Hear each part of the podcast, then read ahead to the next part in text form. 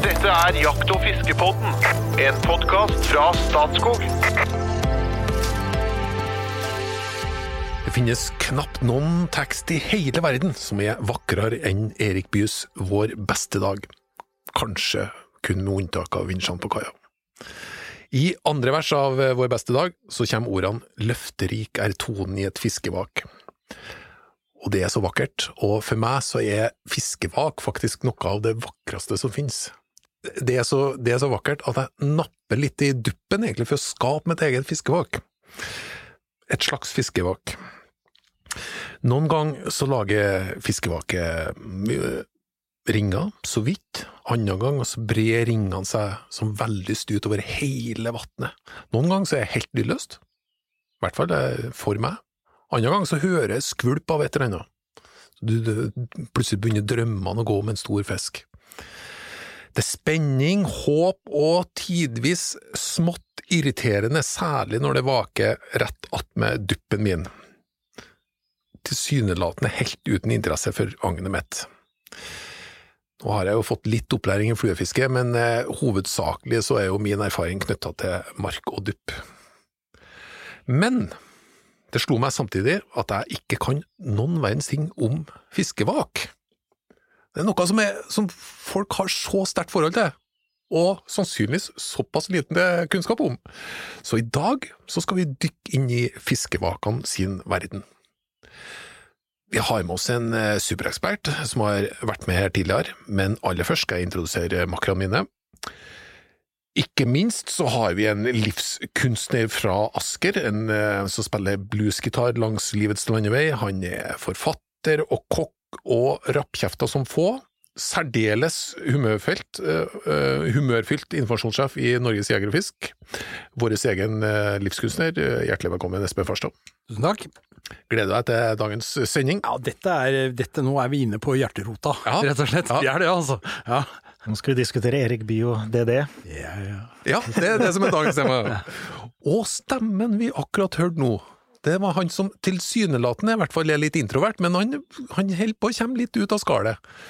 Eh, det er jegerkongen fra Solør som har åtte fulle frysere. Han har eh, to traktorer, egen gravemaskin selvfølgelig, egen lastebærer, tre dieselbiler med piggdekk, og annet eget slakteri og stabbur, og det henger skaller overalt, både på stabburet og på låven og inne i finstua, faktisk. Vi snakker om mann som er totalt blotta for fritidsproblem, vår egen rypedoktor. Hjertelig velkommen, Jo Inge Bresjeberget. Tusen takk. Hallo, hallo. Føler deg hei med beskrivelser. Du, ja, føler deg hei med beskrivelser. Ja, det er jo dine ord, da. Det, men eh, noe stemmer jo. Det er sånn det skjer på deg, Jo Inge. Ok, ja, ja. Du om det. Ja. Det må du bare gjøre. Hva tenker du om fiskevakt? da? Gleder du deg litt til å diskutere det? Ja, fiskevakt, det er slik dere feel good. Altså, jeg har egentlig bare gode, bare gode minner om fiskevak, eller når jeg tenker på fiskevak, så kommer jeg i godt humør. Nei, det skal jo litt til å huske et vondt fiskevakt, da. Ja, ja. Nei, men det, er liksom, det, er- jo bare positivt. Ja, så det, ja. Jeg husker, vi, Da vi diskuterte tidligere en gang, så snakka vi om sånn på duppen, og se på duppen og nappe litt i duppen. Og det, den velfølelsen som brer seg når du tenker de tankene der. Ja. Det er egentlig akkurat samme på fiskevakt. Det er liksom tilbake i ungdomstida, det der røde og hvite isoporduppen når vi fisker småebber, for eksempel. Og det begynte liksom å skje noen ting der. Det er ordentlig feel good, altså. Men i dag så har vi med en eh, gammel kjenning. Han er, jeg vil si, superekspert. Det må jeg lett å si. Superekspert på fluefiske. Han eh, er fusker i eh, jaktfag òg, faktisk. Eh, Det kan jeg godt tenke meg å høre litt om, for hva er det han fyller Han går deg litt i næringa, nemlig, Jo Inge. Han har en tre-fire frysere. Oi, respekt. Og ikke nødvendigvis bare med fisk, og det skal vi snart finne ut. Eh, han er en av landets fremste eksperter, både teoretisk og praktisk på fluefiske. Hjertelig velkommen tilbake, høyskolelærer Tore Rydgren. Tusen takk for det. Har du savna oss? Eh, Jeg tror dere er sånn av meg mer enn jeg er sånn av dere. Og såpass, ja. Vi eh, starter der. lagt merke til i de forrige episodene som har gått nå fra, fra sommeren og framover, så er det 60% av episodene, tror jeg, hvor jeg var litt nevnt og savna, og nei, nå skulle Tora vært her, og, og litt sånn, så det, det gleder meg. Ja. Det er godt. Det gleder oss at du har hørt på alle episodene, og for å høre om vi snakker om deg. Er, det er, det, vi snakker symbiose her, egentlig. Ja. Båndlinja er trivelig. Ja. ja, det er godt. Det er Fiskevak, hvordan følelser bringer jeg frem i Du blir ikke lei deg, du heller? Jeg blir ikke lei meg, og det er jo Det, er jo, eh, det var veldig hyggelig at du dro opp Erik Bye. Altså, det er jo sånn, eh, det er jo sånn feel good-sang for meg også. eh, Og det er jo tørrfluefiskerens nasjonalsang, ikke sant. Det er eh, to ord i den teksten der, eller to setninger, to strofer. eh, Både tittelen på låta, 'Vår beste dag', det er jo tørrfluefiskerens beste dag, når han hører den løfterike lyden av et fiskevak. Så det er jo Det blir jo ikke bedre enn det. Men du Tore, eh, før vi, før vi borer litt inn, eh, du er jo også jeger. Ja. Du er en eh, naturens mann. Eh, Hva jakter du? Jeg har nok jakta å si, bortimot alt opp gjennom tida. Eh, Men eh, det er det med prioriteringer, da, og alle disse fluestengene som skal brukes også. Så nå, nå seinere i åra så er det vel eh, elg, rådyr og litt sånne ting som eh, henger igjen. Liten tur på skogsfugljakt av og til, men eh, ingenting i forhold til hva det var i gamle dager. Nei. Hva som ligger i fryserne dine? Har, du- har du mange frysere? Fire. Fire, Ja. Fire, såpass må en ha. Såpass må en ha. Ja. Ja, nei, det er, det er lite fisk der også. Uh, og som dere har vært innom i en tidligere episode, så fisk holder seg jo ikke så godt i fryseren. Uh, så den har jo Lettere ikke så med elgkjøtt. Lettere med elgkjøtt, så, så det er, det jeg har mye gammel elg liggende. Og uh, rådyr og villsvin også, faktisk, som ligger på lur. Ellers så er det jo en del fluebindemateriale som oppbevares i frossen tilstand. Sa du at du hadde villsvin i frysen òg? Ja. Skutt det sjøl? Nei. Nei. Importert. Importert, ja. From Sweden with love. Yes. Ja. Nei, men, eh, men først og fremst så er du, eh, er du fluefisker. Det er det som eh, bringer de sterkeste følelsene frem. Ja, Det stemmer. Og du får land og strand rundt med en Land Rover og hver sommer. Søker lykken. Ja.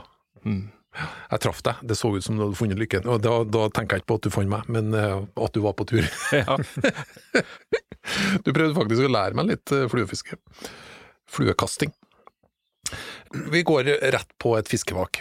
Hva er egentlig et fiskevak? Kort, kortversjon er jo at en fisk stiger opp til overflata og tar et eller annet insekt eller eh, finner noe mat. Da. Det er vel kanskje vi starte der, Ja, la oss, la oss definere det fiskevaket litt. Grann. så at det blir ringer i vannet. Ja, når, når du begynner å klore på definisjoner, da, så er det interessant diskusjon å se. Espen han, han, han ser hva jeg kommer til å si, men, men det er en sånn diskusjon om laks. Vaker den, egentlig? Det er mange, som, mange laksefiskere i hvert fall som, som sier at laksen hopper, den vaker ikke. Og, og det er litt sånn eh, For den, den tar jo ikke noe insekt. Den, eh, laksen har jo, bare for å gjøre oss ferdig med den med en gang, da, den, den, den spiser jo ikke noe særlig i elva når den er på tur opp, og den eh, har jo ikke noe vak i den forstand, men den har på en måte to atferder som gjør at den bryter overflatehinna, og det ene er vel litt sånn revirmarkering, territoriegreie. eh, Vise seg fram og splæsje litt. Eh, Da hopper den gjerne til høyt og lager mye bråk og støy. Og det andre er liksom det vi fiskerne ønsker å se, det er sånne vandringsvak, sånn nisevak. Når Ja, du ser at laksen er på vei opp i elva, da veit du at det kommer ny laks, og da er det håp. Ja, men du, du kalte det vak? Jeg sa jo akkurat det, Ja, eh, men For du kan jo få sånn rilla, eller sånn plogrilla etter en Ja, ja. eh, laks. mm, Litt usikker på om det er vak, men det er vakkert det òg. Men jeg, jeg, jeg, kan ikke vi bare lage vår egen definisjon og si at de vakene vi skal snakke om nå, er de fiskene som er, som Jo Inge sier, som av en eller annen grunn stiger for å spise? På eller rett under overflaten, har jeg lyst til å ta med. da. Mm, det, ja. ja. Og det, det, det er jo der vi er, og da snakker vi jo, da begynner jo vi Veit du hvordan det er? Det er jo ørret, da, og så er det kanskje noe røye og sik og harr, da. Liksom. Det er liksom kanskje først og fremst de fire. Men det er klart, abboren vaker jo også. mm. Ja. Jeg vil jo si at hvis man skal spole tilbake igjen litt til definisjonen og litt til, til, basis her, sånn, så det, det første et vak sier deg, det er at det er fisk der. Eh, og du ser hvor den er. Uh, og det er jo det argumentet jeg bruker når jeg skal uh, raljere litt med mennesker som kun fisker med tørrflue. Da sier jeg at det er jo hvor vanskelig kan det være når du ser hvor fisken er. Det er jo easy-peasy å fiske på en fisk som vaker. Det kan jo ikke være vanskelig i det hele tatt. Det er mye vanskeligere å fiske med nymfe, eksempel, hvor du må fiske under vann og spekulere ut og prøve å finne ut av hvor fisken er enn sjøl. Men eh, vake, det forteller deg hvor fisken er, og at det er fisk der. Men det er jo også, for å dra det videre, da, så kan du jo også eh, kanskje klare med litt erfaring og dyktighet, så kan du se forskjell på ulike arter. Ja, det lurer jeg òg på. Det er ganske spennende og veldig sånn relevant i mine, mine hjemtrakter med Glomma og Renelva og sånt, hvor vi har blandingsbestander av sik og ørret og eh, harr. Og de har litt ulik atferd og vaker litt forskjellig, og de dyktigste renafiskerne de ser med letthet forskjell på ørret og harr, for eksempel. Er det sånn stille kunnskap, sånn som du er nødt til å bare få forklart og internalisere, eller greier du å si noe om Det ligger ikke på YouTube. Nei. Nei, det skal jeg love deg. Kan, Eh, kan ikke jeg bare Jeg, må, jeg, må, jeg skal ikke jeg bare bryte ja. ja. Nei, jeg må bryte inn og fortelle men en liten historie om akkurat det, for jeg fikk meg en sånn ordentlig nesestyver på dette en gang. Litt eplekjekk var jeg oppe i Troms og fiska, ikke sant, og jeg syns jo at jeg kunne dette her, og jeg hadde jo fløy opp og ned elva og speida til vakt, da, og holdt på. En krystallklar, nydelig elv oppe i Troms. Og så kom jeg så kom, sto jeg der og fisker, og så kommer det ei gammel dame, og jeg snakker med virkelig ei gammel dame, altså, med, med, med stang og, og sånn, ikke sant, og skulle ned og fiske da. Å ja, det står noen her, ja nei, så blir jeg pratende med henne. Og hun forteller at hun går ned og henter seg en fisk der, for hun bodde på en gård og rett oppi der sånn. Eh, og så sier hun du må ha sånne eh, polaroid-solbriller, sier hun, for jeg hadde mine pakka bort, så sier hun vet du, så du kan se fisk. Hun liksom forklarte meg dette, da, da, og jeg, jeg ble helt satt ut av det. Og så var det et ordentlig plaskevak bak meg, og jeg skvatt, å fy faen, nei det var bare harren, sier hun. Det hørte hun. Oh, ja. Og det kunne hun, ikke sant? Så jeg fikk meg en sånn der skole Ja, ja, opp på hjemmebane av hun der gamle dama. Så jeg ble så, det var så vidt jeg var tre centimeter høy når jeg gikk fra elva der. Altså, jeg var ordentlig skrudd meg ned. Men hun hørte det med en gang, og jeg skvatt når den, der, når den fisken var Jeg tenkte nå, nå er det på gang. Altså. Nei, det- var bare en harr. Det var helt med en gang. Så det, Men det stemmer, det er 100% riktig, og det er en sånn kunnskap som gamle renafiskere har naturlig i ryggraden, det er at de hører forskjell på, på det lille søte slurpet fra en ørret, og så det litt mer støyende plasket fra en harr. Ja. Og når du ser det, så, så er det også mer det er mye mer energi i et harvak, den bruker mer krefter og den bryter vannhinna på en helt annen måte og lager mer støy. Eh, Og du kan jo faktisk se fisken også, du ser den høye ryggfinna til harren, den ser du ganske enkelt når den vaker ofte. Så, så det går an å se forskjell på. Det å plukke fra hverandre sik og skille sik og ørret, det kan være litt verre eh, mange ganger. Eh, for de kan eh, i en stille bakhevje ha ganske likt vagt mønster, da, og, og der går det an å gå på en smell. At du tror at du står og fisker på en stor ørret, og så er det, er det en sik, eller motsatt. Mm. Så um, ja, det er, det er mulig å skille arter på vak og vakform, i hvert fall. ja. Også, også, og, men nå hørtes det jo ut som alle arter hadde sin vakform, men det er jo heller ikke helt, for det er jo varianter innafor dette òg, ikke sant? For det kommer jo an på hva de spiser, hvilket stadium i en Ja, insektskrekking, ikke sant? Ja. Dette er. Så ja, sipvak, for når vi først var inne på sik, liksom. Altså svære siker. Vi snakker kanskje på godt over kiloen og, og mer enn det òg, liksom. Kan lage vak som er så små at du nesten ikke legger merke til det. altså. Virkelig. Og det har jeg opplevd noen ganger. Det er helt uh, magisk. Du tror du står og fisker på en ganske liten fisk, og så går du på en ordentlig kubbe. Det er gøy, altså. Men hvilken type av fisk sa du vaka igjen? Nei, altså, det, nei, altså, det er jo mange fisker som vaker, men det som, liksom, som fluefiskere, så blir det jo fort disse fire, da. si kar, røye og ørret, som, som uh, rår grunnen. Ja, er det hos flere, hvis vi tenker enda videre, da? All fisk egentlig som lever litt oppi vannlaga kan jo vake, og, vi kan jo raske med oss eh, sjøen også, da, eh, i samme åndedrag. Og der eh, kan det være skikkelig plagsomt med at du blir lurt når du går og jakter sjøørret, og så er det egentlig småsei eller småtorsk som går og vaker. Ja. Eh, og det har jeg blitt lurt mye av, så det, det er lang, lang erfaring. Ja visst. Og, hva og er, er eneste funksjon tilbake at man er oppe og spiser, eller finnes det noe annet? Jeg, Vi har jo avgrensa det nå til å omhandle akkurat det, og det var jo doktor Breisjøberget som sto sto for det, så da må vi bare høre på han, tenker jeg. Men, Ja, ja, altså, du må jo tenke, altså, Fisken har jo en atferd som altså, Den styres jo av at den stadig er på jakt etter mat. Det er jo det da, livet handler om. ikke sant? Altså Spise og reprodusere. Ja, men skjønner, noen ganger så, når jeg har ut duppen, Ja. så driver den og vaker rundt tuppen, Og det lurer jeg på om den er såpass intelligent at den skjønner at jeg blir veldig irritert av det der. Eller om den virkelig bare går rundt og ikke spiser det jeg tilbyr, men, men, alt annet. Men, men altså, når du fisker med dupp, så fisker du med agn. Ja. Et godt stykke under overflaten. Ja. Og så ser du at fisken går og beiter i overflaten. Du, det, det slår deg ikke da at du at akkurat nå er jeg på feil fiskemetode, kanskje. Jeg er to meter for langt ned i vannet, og jeg fisker med noe som ikke fisken egentlig driver med. Jo, ja. er, er, når, du, når du ser det ser det på den måten Det er nok ikke duppen de er ute etter. Jeg har jo nettopp eh, lært meg å kaste med flue. Ja, ja, ja, men, Og, men og, og det sier jeg veldig bevisst òg, at jeg har lært meg å kaste med flue. at jeg- Fluefiske det kan jeg ennå ikke, men jeg får til å kaste flua nå. Men kasting er én ting, men dette var mer en sånn litt sånn intellektuell utfordring, eller angrepsvinkel til fiske, da. Liksom, hva er det egentlig som skjer der ute? Ja. Eh, men det er klart, hvis du føler deg beseira av den som har fisken, som har gjerne på størrelse med en ert, så, så blir det vanskelig. Nei, vi skal ikke tulle med det, Trond jeg. Men det er klart, det er noe med å være observere hva som skjer, da. Og det, nå er vi inne på vaket, ikke sant. Hva er det egentlig som skjer der ute? Ja, ja, ja. Men, men, for å, men for å trekke med oss eh, de, de hederlige gamle meitefiskerne, da. Eh, Jeg mm, ble delvis oppdratt av en eh, gammel gubbe som leide meg rundt til noen fiskevann inne i Holleia skoger i mm, ungdommen. og han hadde en sånn teknikk, han fiska med mark og og, da var det sånn, snakk om en sånn fluedupp, sånn hørgårds. Ja. Eh, det var viktig at den var hvit, ikke grønn. Eh, og så lang fortom, og så mark. Og han kasta på vak.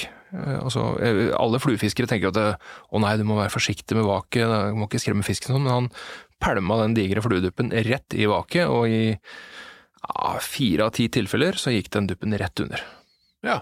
Så Fiska han da passivt med duppen, eller, eller dro han inn da? Nei, eller? han fiska bare det lille øyeblikket. altså Det var bare mens eh, marken sank, mens den Ja. dalte antagelig, at fisken tok. Og så hvis den ikke tok i løpet av et minutt, så da sveiva han inn og kasta på neste vak. Ja.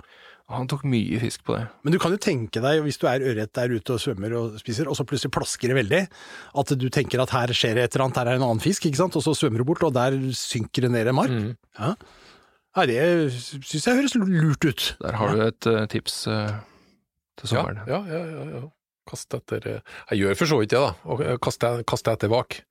Og så har jeg jo vært litt sånn usikker på i hvilken grad du skremmer fisken, og i hvilken grad du, den ikke blir skremt av akkurat det. For jeg, jeg tenker umiddelbart at her må den bli veldig skremt. Men det, men det er jo som du sier, Espen, det, kan, det er jo no, noe interessant som skjer for en rovfisk, det der. Mm. Så eh, Nettopp.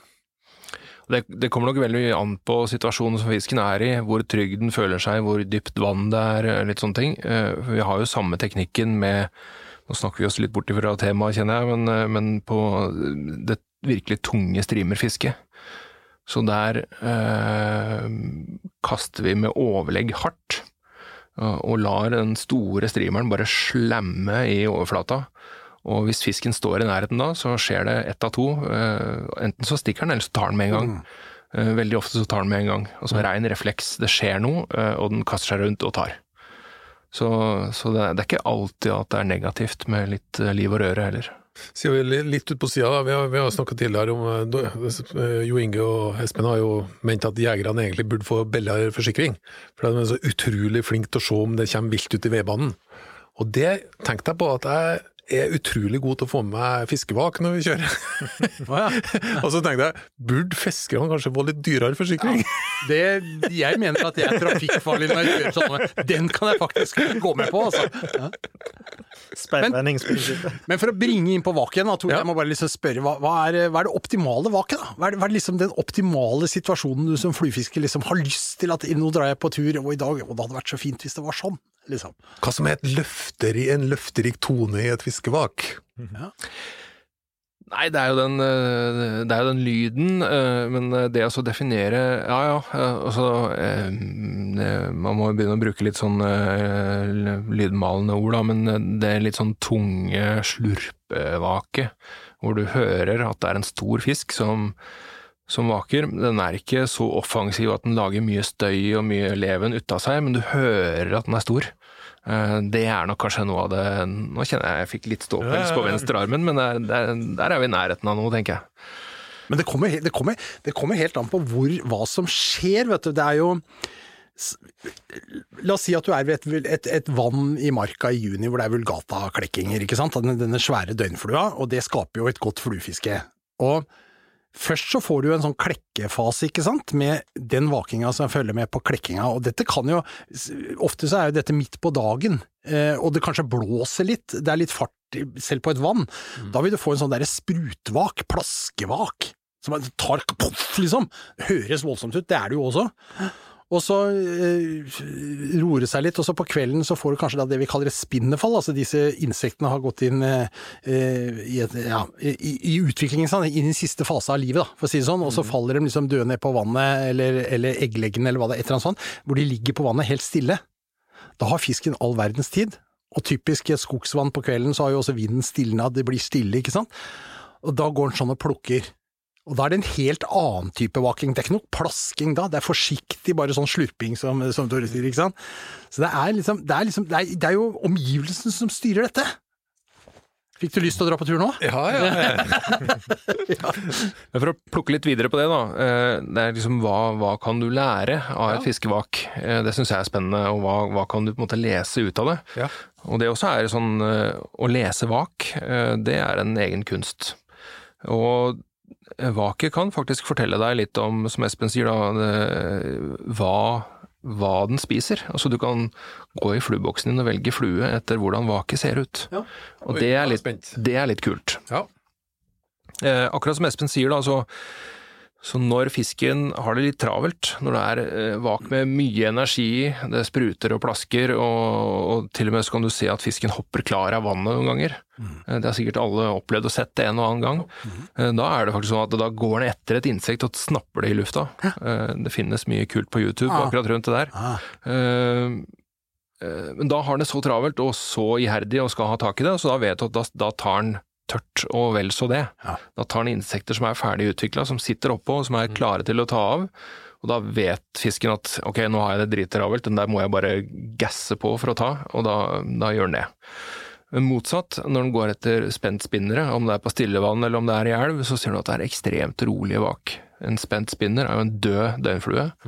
Den vet fisken at den stikker ikke av, den bare kommer mot meg i strømmen eller ligger rolig til jeg kommer og tar den. Da bruker han minimalt med energi på å plukke den flua. Og her skjønner du, Trond Gunnar, her, her, litt, her er litt av clouet. For at akkurat nå, jeg bare, må bare følge opp den, Tore. For at det, hvis du da fisker på dagen, og du, og du ser disse her sprutvakene i et vulgatavann, ja da setter du på en vulgataflue, en, en imitasjon av et voksent insekt, ikke sant, eller i hvert fall en, en klekker som flyter høyt.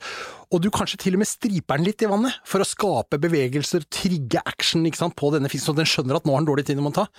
Når du fisker om kvelden, med en spent spinner som heter Da må det, det må ikke være et mikrotrekk i flua engang. Hvis, det, hvis den begynner å stripe da, kan bare glemme det, altså. For da, da er du avslørt med en gang. Tatt med Ja. buksa nede.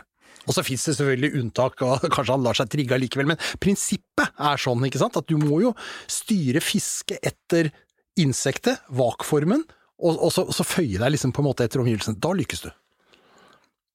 Gøy. Sånn, det, det er viktig kunnskap sånn i min eh, Nå blei det mye, mye Renaelva her et øyeblikk, men eh, i Renelva, så den er jo kjent for et veldig rikt insektliv. Eh, vi har på kveldene utover i juli og august så er det eh, både spinnerfall og vi har eh, klekkende vårfluer, sånne svømmepupper. Og da er det litt sånn skrumlemørkt. Det er vanskelig å se på overflata hva fisken tar, men du kan ta det på vaket, vakformen. At den ørreten jeg kommer til deg, den som står der oppe, den står bare så vidt og bryter filmen, rolig, pent vak, ok, den tar spentspinnere. Da vet jeg det. Jeg har en limerick fra Arena, jeg. Kan jeg ta den nå? Siden vi er på Arena. Passer jo kanskje nå, jeg. Ja, fordi at det, og jeg hadde en, en god venn, du kjenner han vel sikkert, Tore, Vegard Paulsen, eh, som, eh, som eh, satt og fiska i Rena. Eh, og, og så sitter, satt i båt og fiska sikk, og så kommer det en bjønn svømmende tvers over elva. Liksom sånn nesten på vei ned mot båten, altså. Ble rett og slett, dette kan skje i Rena, ikke sant? Det har faktisk skjedd, da. Nei, så, så det var utgangspunktet for denne her bjønneredd fluefisker, heter denne limericken, da. En overfølsom fluefisker fra Nedre Blaker tenker bjørn når vannflaten skaker, der han står til livet i Rena og lufter fluefiskescena, men det er jo bare harden som vaker. Hey. uh, Fins det ord for det, ord på de ulike vakene? Ja, sippvak, sprutvak, plaskvak, rullevak, eh, bulevak. eh, Det er mange, mange varianter her. Head and tail. Det er mye engelsk. Det er selvfølgelig mye engelsk. Ja. Head and tail, du, du, du hører. Men, okay, Fisken okay. går i en bu, først Ja, opp med hodet, og så vifte med halen. Delfin eh, men vi, har, vi har nå fokusert på de helt sånn eh, Det høres også litt teit ut, men eh, de tørre vaka. eh, Altså de som vi veit at fisken tar, tørrflue. De har vi fokusert litt på nå, men det er jo veldig ofte også at du ser vak etter fisk som tar i eller under filmen, som ikke tar helt tørt. Ja. Men apropos det, Og- det skal, det skal du få lov til å komme inn på, men uh, siden vi var uh, ut på en spalte vi, må, vi, må jo, vi må jo ha en, en valgets kval, og litt under vannflata her, da. Og eh, Valgets kval, Tore, det fungerer sånn at uh, her er det lov til å forklare, og egentlig så bør du forklare og begrunne eh, valget ditt. Så får du kjeft. Ellers så får du kjeft. Her er, ja, du får passe påskrevet, som jeg pleier å si da. Det lurer jeg også på bakgrunnen for det uttrykket, men ok. Alltid tette og tørre vadere, men du må bruke rosa crocs som vadesko. Eller du kan bruke de vadeskoene du vil, men vaderne lekker som ei sil.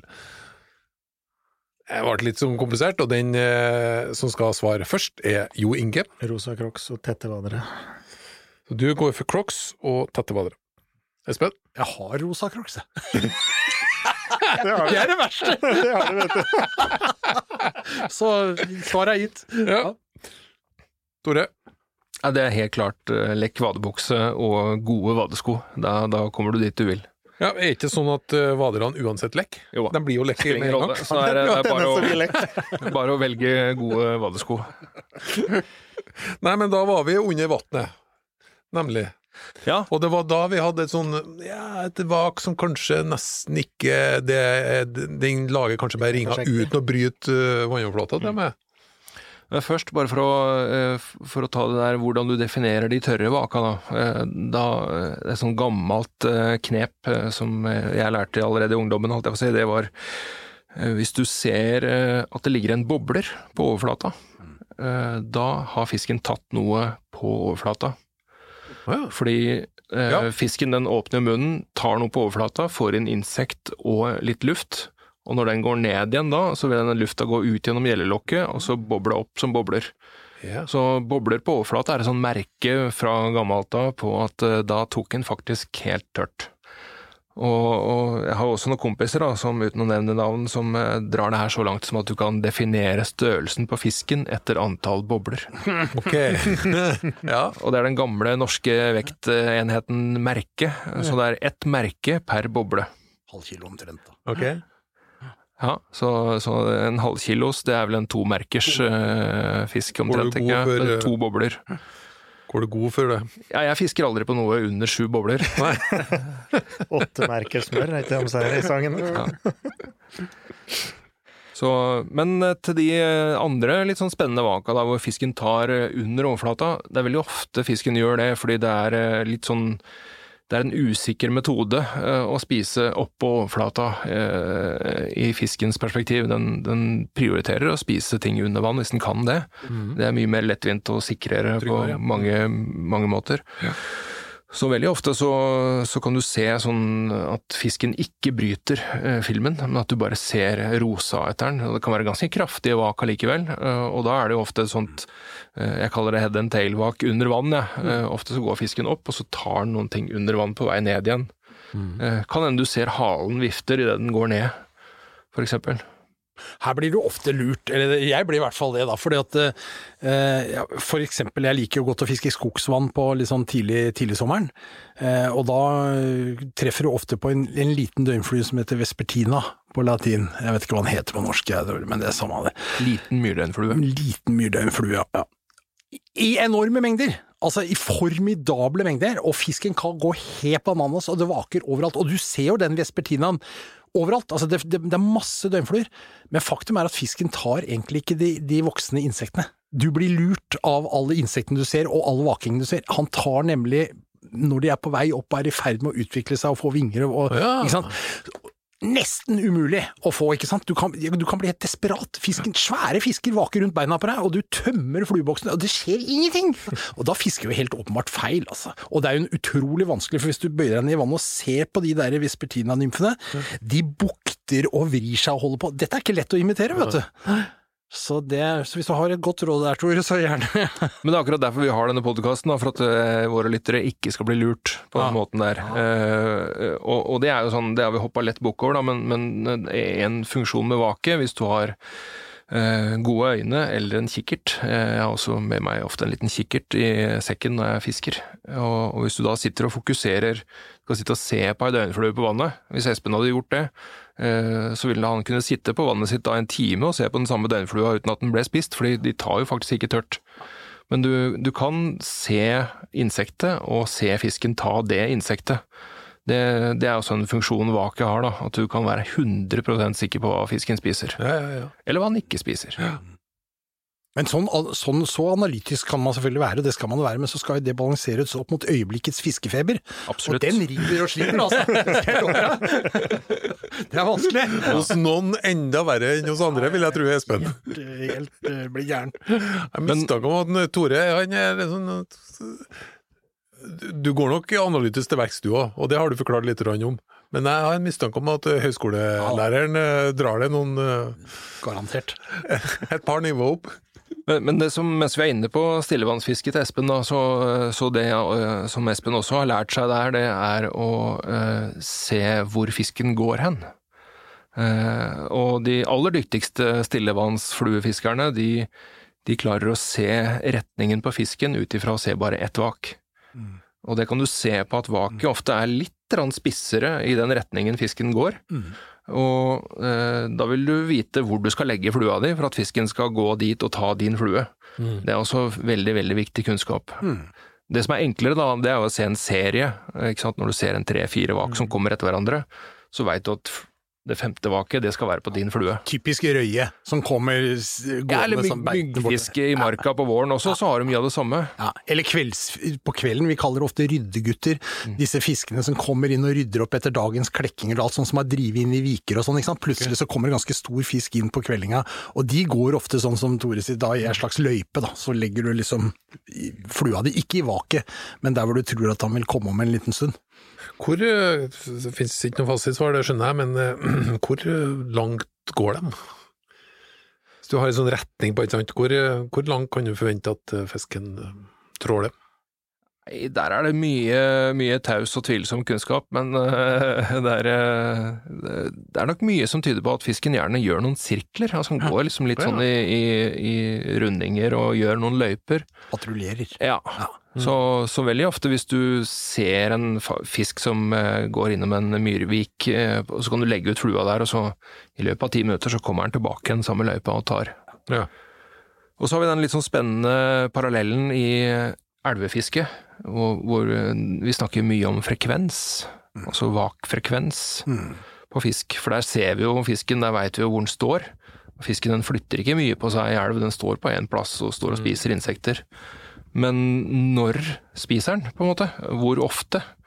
Og det henger sammen med eh, flere ting, men, men eh, fisken står jo nesten alltid på bånn av elva når den spiser.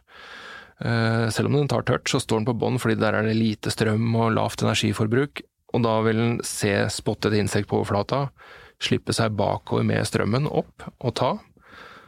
Og da vil den jo ikke svømme i toppsjiktet fram igjen og ned til plassen sin, men den slipper seg ned til bånn, og så fram igjen, for det er mye mer energieffektivt.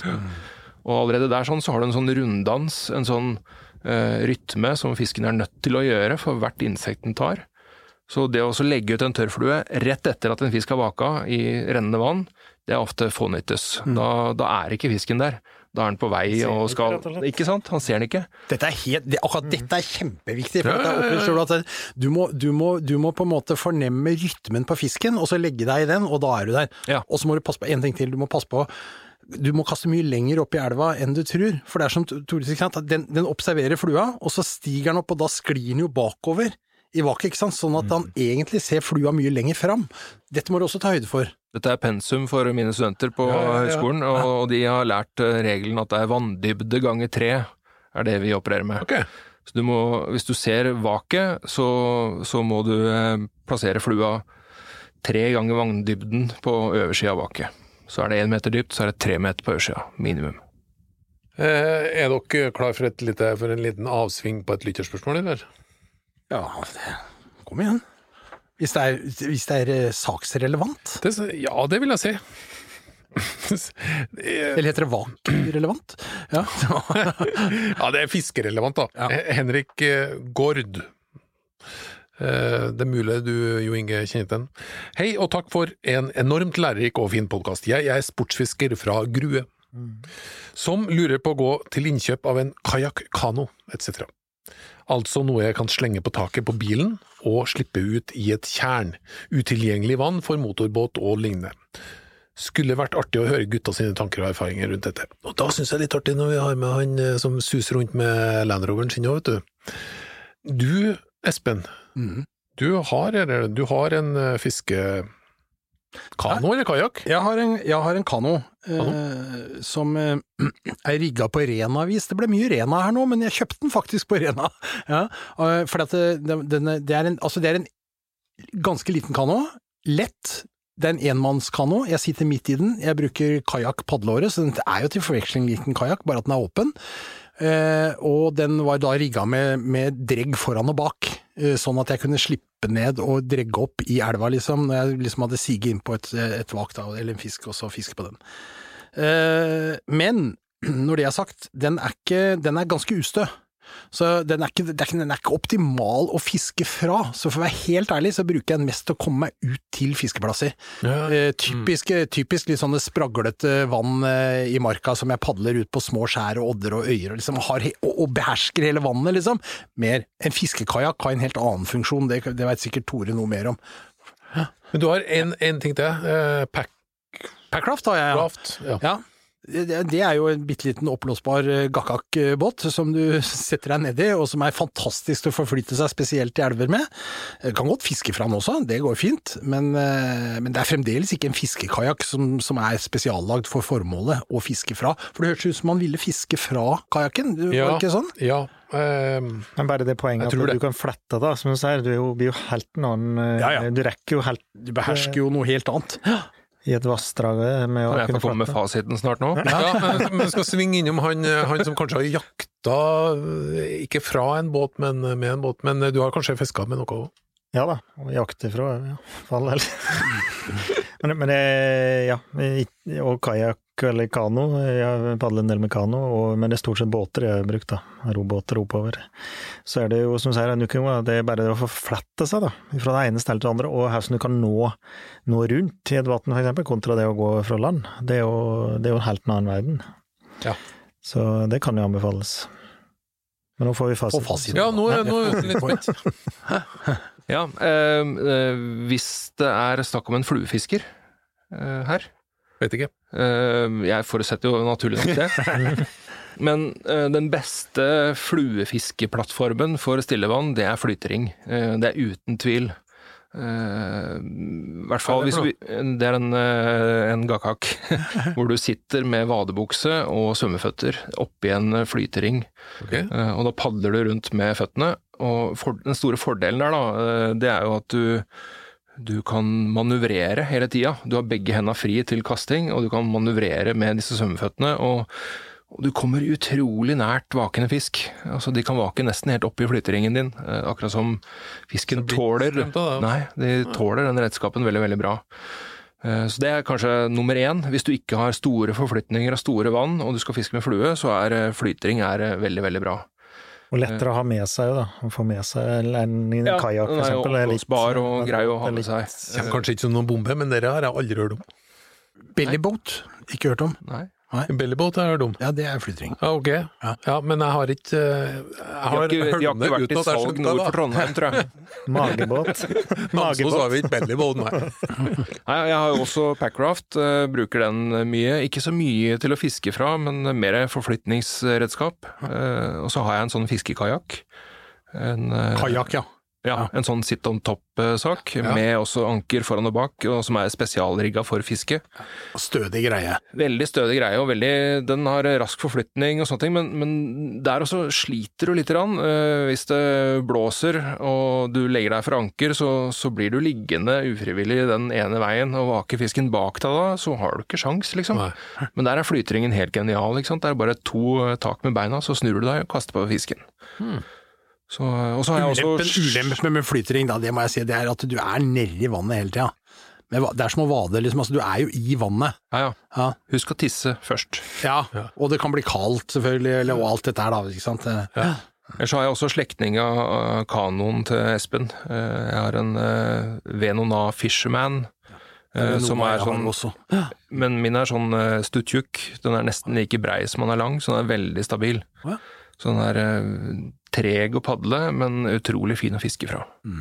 Har Men det er- der er Det, det, Nei, jeg er det, spent. ja, nei, det, det er et dilemma dette, for du må på en måte velge mellom det, det, Kompromisser. kom- ja, du må, ja, og det vanske, du finner aldri én eh, fiskeredskap i en båt som, som dekker alle behov. Det klarer du ikke, ikke sant? Så, men kanskje du dekker behovet ditt akkurat der. Du veit at du skal fiske begrensa område av et vann. Ja, fint, kanskje kan bruke bellybåta eller flytring, ikke sant. Men skal du til et litt større vann og fis, lete etter ørret på Vulgataklingen, så vil du padle litt rundt på vannet for å kartlegge hvor det skjer. Da må du ha en kano, ikke sant. Eller en kajakk, da også. Og så er det vekt. Ja. Dette er også viktig, for at eh, den der Venona-kanoen min, den veier altså 14 kilo eller noe sånt. Det betyr at jeg kan løfte den rett opp på taket på bilen, uten å daue. Jeg husker at jeg begynner med gammel mann. Jeg kan ikke løfte en fiskekajakk på 30 kilo. Det orker jeg ikke, rett og slett.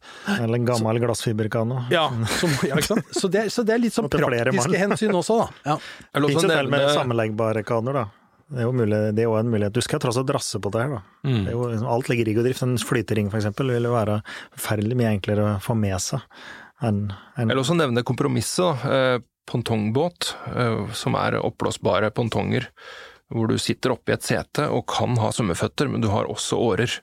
Det også gjør at du har både forflytning og at du kan finnavigere for kasting. Men, eh, men det er klart, eh, er det en rein slukfisker vi snakker om her, sånn, så vil den ha mye mer glede av en kano, eksempel. Og kunne padle rundt og dregge litt på sjøene i soler.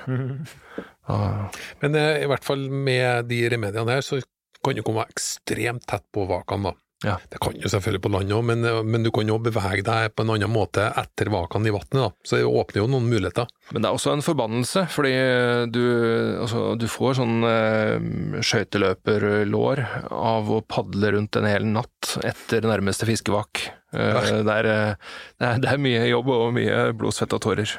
Det er det, men, men når jeg er ute Og og fisker ikke, eh, ikke bruk det i sjøen når, eh, når floa drar ut. Eh, Det har jeg prøvd. Du prater til erfaring. Jeg har konkurrert med danskebåten. Ja, akkurat. Nei, for, men, men jeg, jeg er veldig glad i kanoen min, da, så jeg slår jo en slag for den. Jeg, Ja. Det er fordi jeg fisker som jeg fisker. Jeg fisker annet på en del litt, sånn, litt større skogsvann. Og, og apropos tilbake til dette med vak, fordi at eh, da driver vi hele tida speider etter vak, leter etter hvor det For det kan jo skje i en lun vik eller rundt en odde, liksom, det skjer ikke over hele vannet samtidig. Det er sjelden, altså. Så du, så du må liksom følge med litt, da, bruke øyer og ører og sånn. Så kan du plutselig høre at det begynner å plaskevake, sprutevake. Og da, har du, da er det sannsynligvis maur, ikke sant? Som har, har altså vingemaur da, som lander på vannet. Ja. Og da tar fisken ganske hardt og kraftig. Og, da, og det kan stå på litt sånn intenst. Og da er det litt viktig liksom, å kunne ta kanoen og bare flytte seg over og være på plassen når det skjer. Kjempegøy, vet du. Vi fisker ofte to sammen vi når vi fisker fra kano, eh, sånn at én padler og guider, og den andre fisker. Og så skifter vi på. Eh, Da, da har du liksom muligheten til at én navigerer deg inn mot et vak, og den andre eh, fisker og kaster. Gjennom hva, sånn, hva, Henrik, forresten. Du må sende eh, adresse og telefonnummer og sånne ting på en direktemelding til podkasten, så får du en vakker, vakker sagnomsust og eksklusiv T-skjorte med en ikke et fiskevak, det kunne vi selvfølgelig også hatt, men det er en tiur på en fem-seks kilo fra Trøndelag, som er en eh, fem og et halvt år. Ans anslagsvis. Men eh, det øh, vaket Er det noe som Vi skal snart begynne å gå ned for landing i retning eh, hot or not. Men er det Er det forskjeller på natt og dag, temperaturer? Eh, nå, jeg har jo skjønt at det her er ins insektene egentlig som styrer vakene, men det er også sjanse for å bli tatt, antar jeg. Si mørke, lys, eh, vind, ikke vind. Er det Påvirker dette vakene noe? Ikke, ikke noe sånn som jeg kan komme på i farta, men det påvirker jo fiskens atferd mer generelt. er at eh, Fisken blir jo tøffere når det blir eh, lavere lys. Da går den inn på grunnere vann og sånne ting. Men, men også sånn på grunt vann så er fisken klar over at den er mer utsatt, og vaker nok mer forsiktig. Eh, igjen da, eh, kunnskap fra arena. Der kan det stå stor ørret på kanskje bare 25 cm dypt vann, helt inntil bredden, og presentere et vak som er så lite at du tror det er en to hektos ørret som er der, men under det så skjuler det seg stor fisk.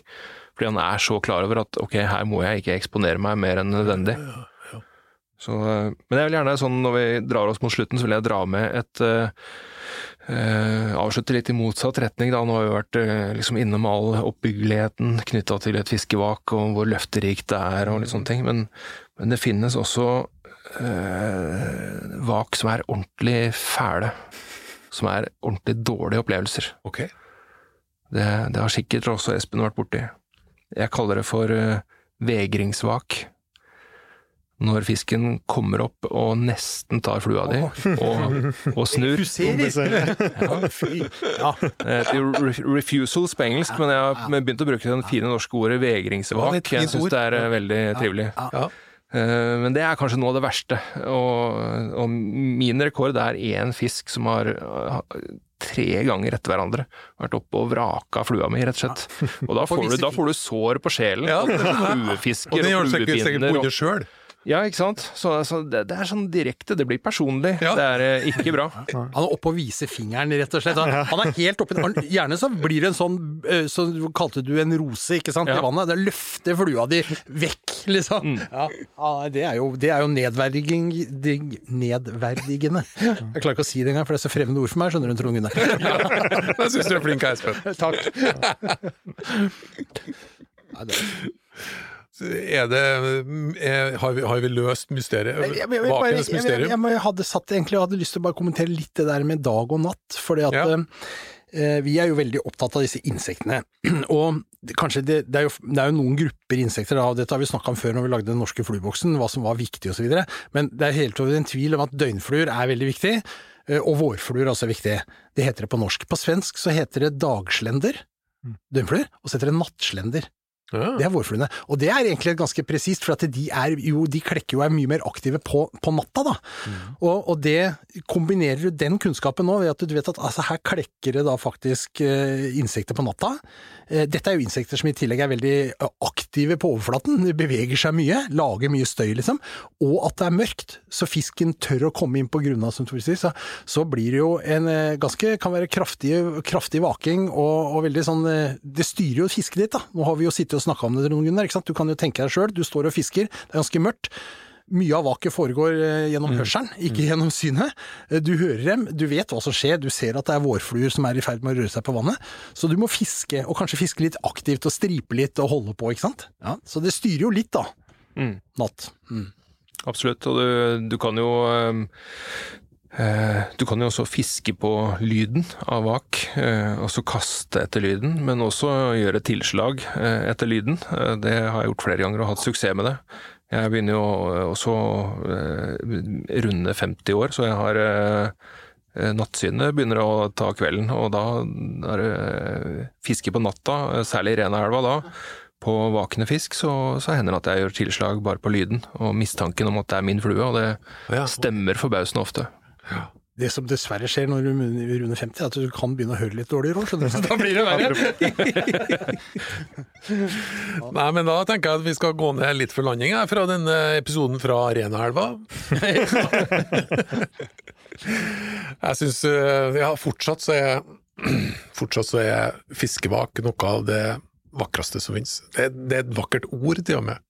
Fiskevak. Eh, Nå skal vi jo inn på flere vakre ord. Vi skal inn på hot or not, og rekkefølga er Tore, Jo Inge, Espen. Her er ingen forklaringer tillatt. Det må være rett på. Er du klar, Tore? Bill Gates, hot or not? Hot. Ah, hot. Hot. Metronom, hot or not? Not. Not. Not. Velodrom, hot or not? Not. Ja, not. Ja, hot.